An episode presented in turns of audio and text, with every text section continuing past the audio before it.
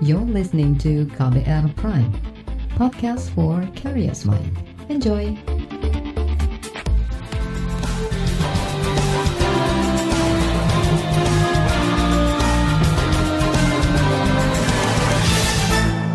Halo saudara, senang sekali kami bisa menyapa Anda kembali dalam program KBR Sore untuk edisi hari ini awal pekan Senin 10 Agustus 2020. Saya Agus Lukman akan menemani Anda selama kurang lebih 30 menit ke depan. Kali ini kita akan membahas mengenai program Kartu Prakerja Gelombang 4 yang pendaftarannya sudah dibuka oleh pemerintah pada akhir pekan lalu. Sebelumnya program Kartu Prakerja menuai polemik dan banyak menerima kritik. Bahkan Komisi Pemberantasan Korupsi KPK mendorong Kementerian Koordinator Bidang Perekonomian agar memperbaiki tata kelola kartu prakerja, terutama pada empat aspek yaitu pendaftaran dan kemitraan dengan platform digital. Sebab KPK menemukan pendaftaran peserta yang tidak tepat sasaran. Lantas bagaimana program Kartu Prakerja gelombang keempat ini berjalan? Apa yang berbeda dan apa saja yang sudah diperbaiki oleh pemerintah? Saudara, program Kartu Prakerja yang dikhususkan pemerintah untuk membantu mereka para pekerja yang menjadi korban PHK ini sempat macet dan menimbulkan polemik. Namun pada akhir pekan lalu pemerintah akhirnya membuka kembali pendaftaran peserta program Kartu Prakerja gelombang keempat dengan sejumlah perbaikan. Berikut penjelasan Deputi 4 Ekonomi Digital, Ketenaga Kerjaan dan Usaha Mikro Kecil Menengah di Kementerian Perekonomian Muhammad Rudi Salahuddin. Kami telah melakukan beberapa perbaikan untuk tata kelola program Kartu Prakerja ini dan perbaikan-perbaikan tersebut uh, sudah dituangkan yang pertama di dalam Perpres 76 tahun 2020 sebagai perubahan uh, atas Perpres 36 tahun 2020 juga melalui Permenko 11 tahun 2020 tentang aturan pelaksanaan dari uh, Perpres 36 dan yang telah diubah menjadi 76. Nah, di dalam uh, Perpres 76 yang telah ditetapkan pada tanggal 8 Juli oleh Bapak Presiden, ada beberapa pokok-pokok perubahan tata kelola yang uh, waktu itu pernah kita sampaikan di dalam Permenko 11 yang sudah ditandatangani oleh Pak Menko Perekonomian pada tanggal 4 Agustus yang saat ini dalam proses pengundangan itu juga mengalami banyak perubahan. Jadi sejumlah pengaturan yang lebih detail untuk mengatur hal-hal yang baru yang uh, sebelumnya belum belum diatur atau memang uh, kurang terasa uh, akuntabilitasnya. Jadi itu yang yang diatur di dalam Permenko yang baru. Apa saja sebetulnya yang menjadi fokus pemerintah dalam perbaikan kartu prakerja gelombang keempat ini? Nah, pokok-pokok uh, aturannya antara lain adalah refocusing program pra, kartu prakerja ini menjadi semi bansos. Ini yang belum diatur di dalam uh, aturan yang yang lama. Selain itu juga program kartu prakerja ini yang semula tadinya bertujuan untuk meningkatkan kompetensi dan produktivitas, kini juga didorong untuk uh, lebih untuk pengembangan wirausaha. Lalu yang kedua, eh, Permenko ini juga memastikan bahwa kartu prakerja ini menjangkau mereka yang masih eh, yang paling membutuhkan bantuan dengan prioritas pada mereka yang terdampak pandemi Covid dan belum menerima bansos selama masa pandemi COVID ini. Jadi data yang kami dapatkan dari Ibu Menaker kemarin bahwa uh, yang semula data orang-orang yang ter-PHK dan dirumahkan ini berjumlah 1,7 juta orang, saat ini telah meningkat menjadi 2,1 juta orang. Nah ini yang harus kita prioritaskan untuk masuk ke dalam program Kartu Prakerja. Di Kartu Prakerja sebelumnya pendaftar bisa berasal dari berbagai kalangan tapi bagaimana dengan pendaftaran kartu prakerja gelombang 4 ini? Apakah ada pengecualian? Selain itu di dalam Permenko 11 juga mengatur pengecualian terhadap siapa-siapa yang uh, bukan berhak untuk menjadi uh, peserta uh, kartu prakerja, yakni antara lain pejabat negara, aparatur sipil negara, anggota Polri atau prajurit TNI, kepala desa dan perangkat desa, direksi, komisaris, dan dewan pengawas BUMN, serta pimpinan dan anggota DPRD. Lalu uh, uh, di dalam Permenko ini juga mengatur tentang mekanisme pendaftaran. Yang tadinya di dalam aturan yang lama kita hanya mengenal satu uh, metode pendaftaran, yakni secara Apa saja hal-hal yang baru yang diatur di dalam peraturan Menteri Koordinator tentang Kartu Prakerja gelombang 4? Selanjutnya, pelatihan-pelatihan yang saat ini uh, memang kita belum detilkan uh, pengaturannya, saat ini sudah kita detilkan antara lain dengan pelatihan itu wajib diikuti hingga selesai oleh para peserta. Ini yang uh, masuk di dalam aturan-aturan baru. Lalu pelatihan juga wajib menyediakan ruang interaksi dalam proses pembelajaran. Lalu pelatihan juga tidak boleh ditawarkan dengan sistem paket atau bundling. Dan juga pelatihan yang identik atau sama dengan pelatihan yang ditawarkan secara gratis di luar program Kartu Prakerja dilarang untuk ditawarkan dalam program Kartu Prakerja. Ini hal-hal baru juga yang eh, diatur di dalam Permenko 11. Itu tadi saudara penjelasan dari Deputi 4 di Kementerian Koordinator Bidang Perekonomian Muhammad Rudi Salahuddin. Saudara KBR sore akan jeda sejenak dan di bagian berikutnya kita akan simak rangkuman tim KBR mengangkat kisah pendaftar kartu prakerja gelombang keempat dan cerita para alumni program kartu prakerja gelombang sebelumnya. Ceritanya seperti apa? Simak usai jeda berikut. You're listening to KBR Pride, podcast for curious mind. Enjoy!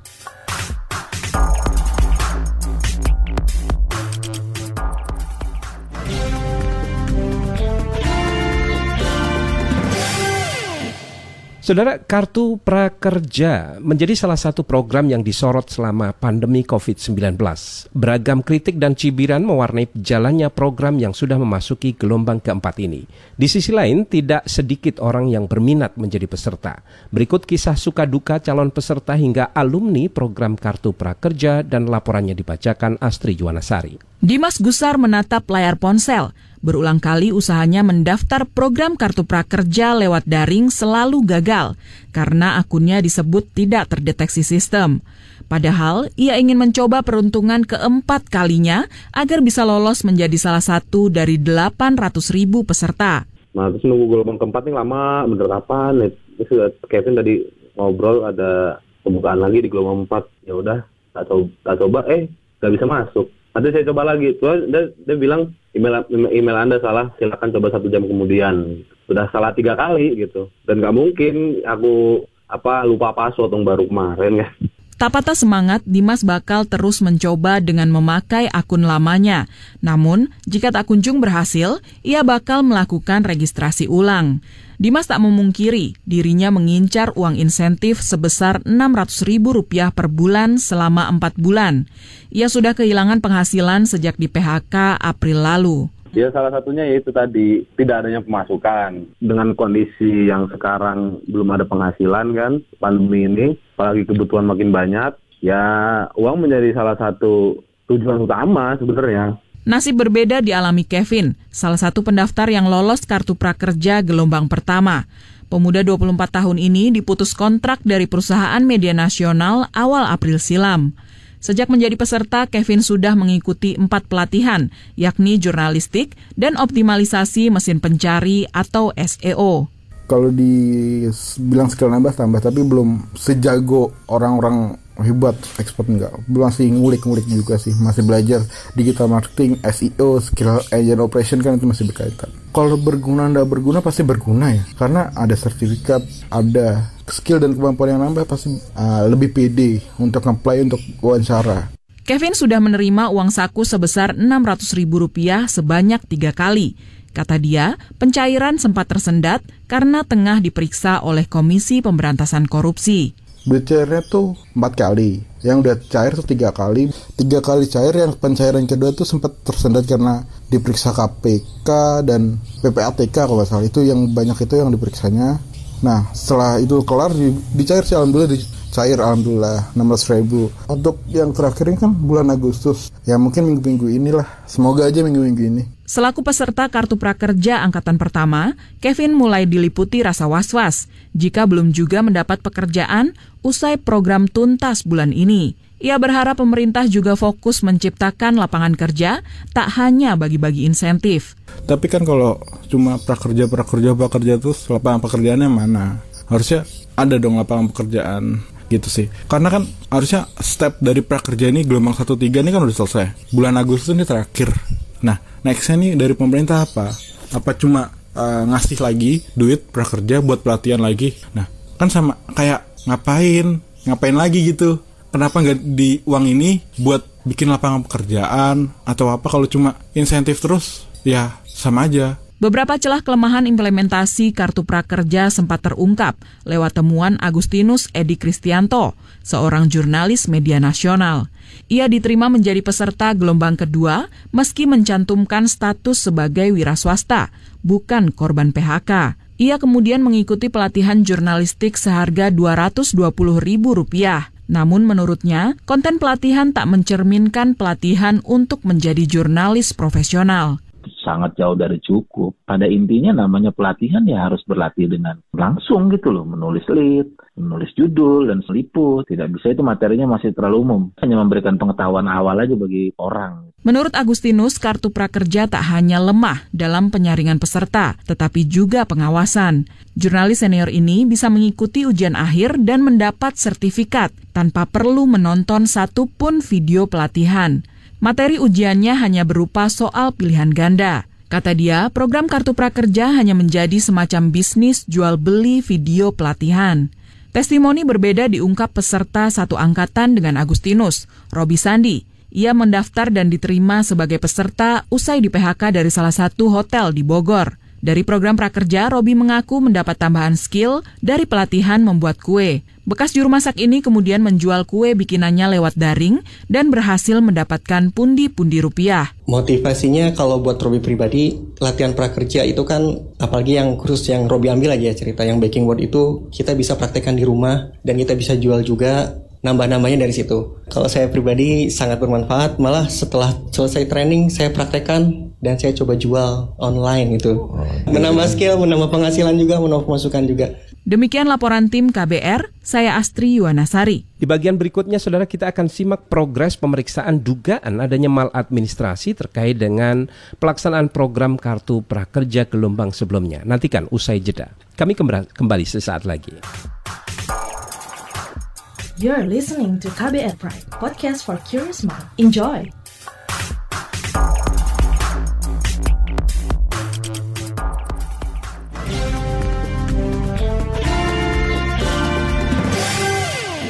Terima kasih saudara Anda masih bersama kami di KBR Sore. Saudara Ombudsman Republik Indonesia mengklaim tengah memeriksa laporan dugaan maladministrasi program Kartu Prakerja gelombang sebelumnya. Dugaan maladministrasi itu meliputi pemilihan platform digital, adanya konflik kepentingan, dan juga wewenang kementerian yang mengurusi program tersebut. Ombudsman bahkan menyarankan pemerintah sebaiknya memberikan bantuan sosial saja untuk biaya hidup jangka panjang, semisal modal usaha dibandingkan bantuan melalui program Kartu Prakerja ini. Berikut selengkapnya simak wawancara jurnalis KBR Mutia Kusuma dengan Komisioner Ombudsman Republik Indonesia Ahmad Suwaidi. Pada bulan lalu, Ombudsman menerima aduan dugaan maladministrasi program Kartu Prakerja, semisal terkait pemilihan platform digital, dugaan konflik kepentingan, dan wewenang kementerian yang mengurusi program tersebut.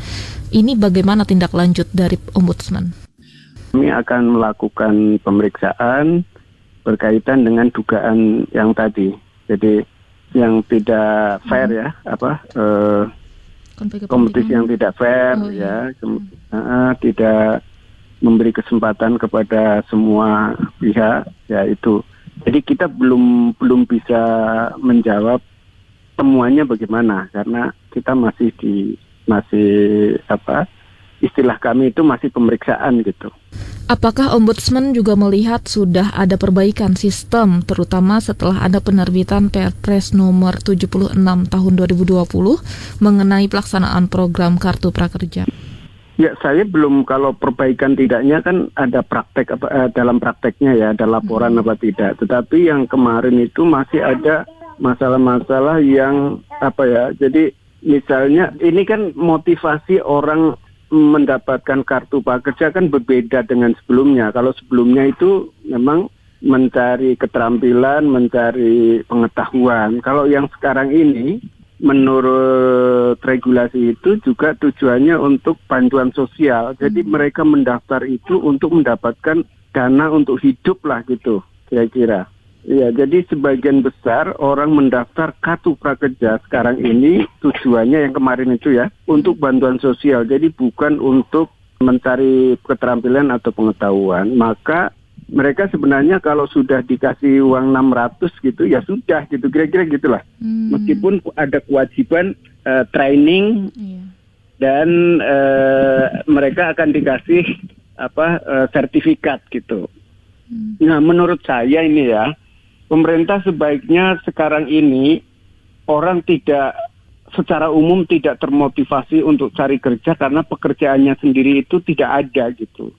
Hmm. Nah, menurut saya itu sebaiknya ya diprogramkan bantuan sosial saja, tetapi kemudian itu kan bantuan sosial untuk bertahan hidup ya, jadi untuk makan gitulah kira-kira supaya tidak lapar. Hmm. Nah, pemerintah harus memberikan uh, dana lain untuk mereka bisa bertahan lebih lama untuk usaha gitu. Nah, jadi pemerintah harus melihat eh, individu-individu uh, dan keluarga-keluarga ini sebagai potensi untuk terjadinya uh, gerakan ekonomi dan traksi transaksi antar mereka kalau pemerintah tetap me melihat UMKM yang nggak ada lagi, mereka akan uh, bohong-bohongan gitu lah kira-kira. Karena bahkan orang yang tadinya apa kaki lima, uh, jualan keliling pun sudah tidak punya modal. Lah mereka inilah sebenarnya yang membutuhkan dana itu gitu. Bagaimana aspek transparansi mitra kartu prakerja dan peserta pasca penundaan sementara program kartu prakerja saat ini? Itu kan karena perubahan tadi itu ya, karena perubahan motivasi dan perubahan pelayanan sehingga sebenarnya tidak jelas lagi. Ada orang yang sudah menunggu, udah dapat, udah terdaftar, mm, yeah. tapi belum tercairkan. Udah cair belum belum di training, udah training belum diberi sertifikat gitu-gitu.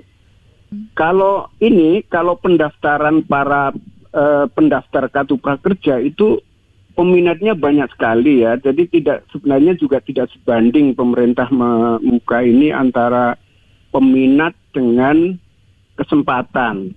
Yang peminat kan ratusan ribu bahkan jutaan sementara yang kesempatannya kan terbatas. Hmm. Seharusnya ya disesuaikan antara potensi pendaftar dengan kesempatan gitu. Ini terlalu kecil sehingga kan banyak down kan itunya kan hmm. apa fasilitas itunya gitu. Itu tadi saudara komisioner Ombudsman RI Ahmad Swaidi dan di bagian penutup nanti kita akan menyimak berbagai catatan Lembaga Pemantau Korupsi Indonesia ICW mengenai program Kartu Prakerja. Apa saja itu? Simak usai jeda tetaplah di KBR sore.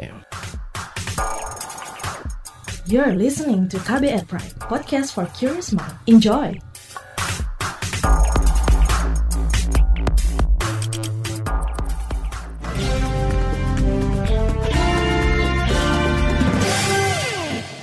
Kita berada di bagian akhir program KBR Sore. Saudara Lembaga Pemantau Korupsi Indonesia ICW menilai pemerintah tidak mengindahkan berbagai catatan dari masyarakat dan juga lembaga lain terkait dengan program Kartu Prakerja yang syarat masalah maupun potensi konflik kepentingan.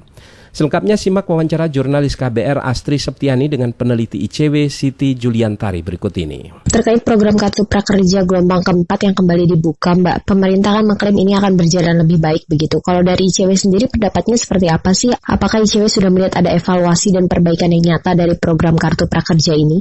sebenarnya eh, kalau ICW kan sebelum masukan ya terkait dengan peraturannya sendiri yang dibuat terburu-buru gitu ya programnya sendiri nggak sesuai masuk dalam penanganan COVID gitu kan. Kemudian juga catatan kami kan terkait dengan potensi konflik kepentingan ya antara di lembaga pelatihan dengan delapan provider yang dipilih kan, delapan hmm. atau tujuh ya provider yang dipilih uh, oleh pemerintah gitu. Bahkan cenderung kami melihat di aturan yang baru kok malah memberikan impunitas ke pelaksana program kartu prakerja gitu. Yang pertama itu Jokowi menurut kami ya otoriter gitu deh karena memberikan impunitas kepada Komite Cipta Kerja dan Manajemen Pelaksana gitu ya. Di Perpres 76 2020 tuh revisinya itu di pasal 31B itu di, disebutin gitu ya. Padahal ICW sendiri juga pernah melaporkan dugaan maladministrasi ke Ombudsman pada 2 Juni yang lalu gitu kan bahwa ada permasalahan di pelaksana programnya gitu. dan juga harus membuka informasi terkait perjanjian kerja. Gitu. Jokowi ini dengan aturan yang baru malah terkesan menormalisasi praktek konflik kepentingan itu gitu yang dilakukan sama si platform digital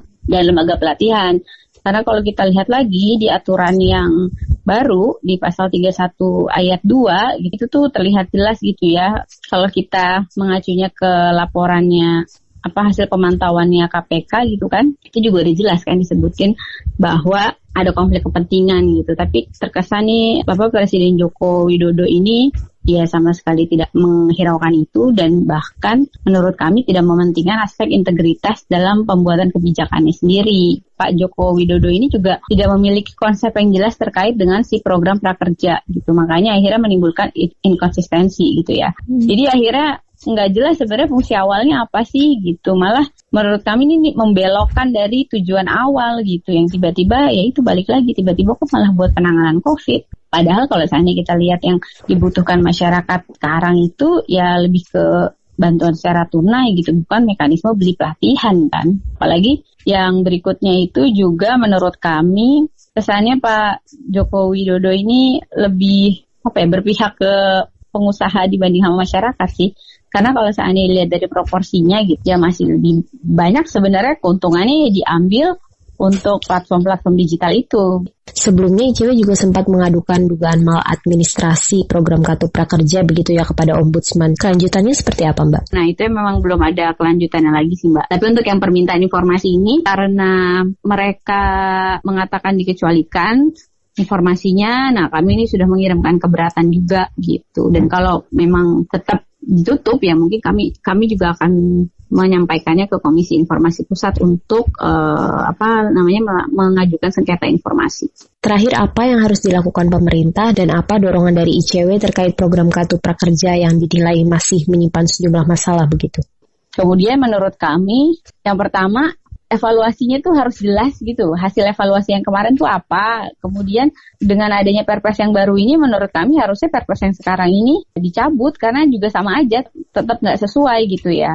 Tetap perpresnya mengundang masalah. Kemudian evaluasinya harus dilakukan secara komprehensif. Ini kan terkesan presiden kan atau tim prakerja bahkan mengatakan mereka melakukan evaluasi, tapi hingga kini mereka tidak pernah mempublikasi hasil evaluasi mereka sendiri itu seperti apa sih?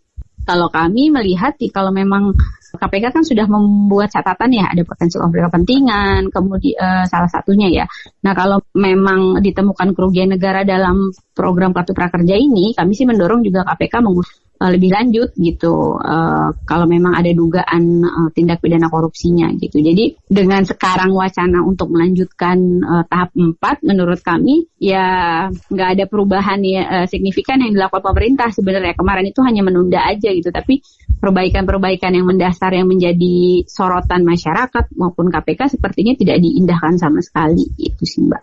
Jadi tidak ada kemudian aturan yang lebih jelas malah memisahkan antara platform digital dengan uh, lembaga pelatihan itu enggak ada. Itu tadi saudara perbincangan jurnalis KBR Astri Septiani dengan peneliti ICW Siti Juliantari. Saudara, pemerintah menganggarkan dana sekitar 20 triliun rupiah untuk program kartu prakerja pada tahun ini.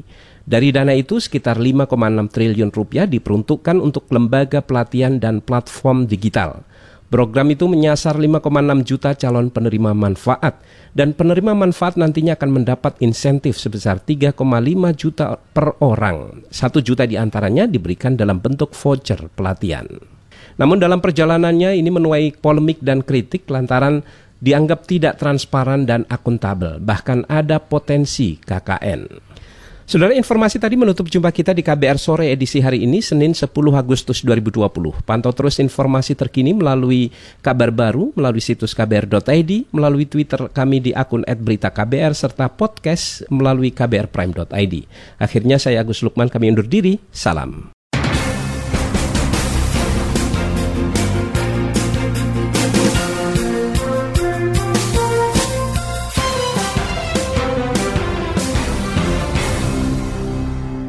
KBR Prime, cara asik mendengar berita. KBR Prime, podcast for curious mind.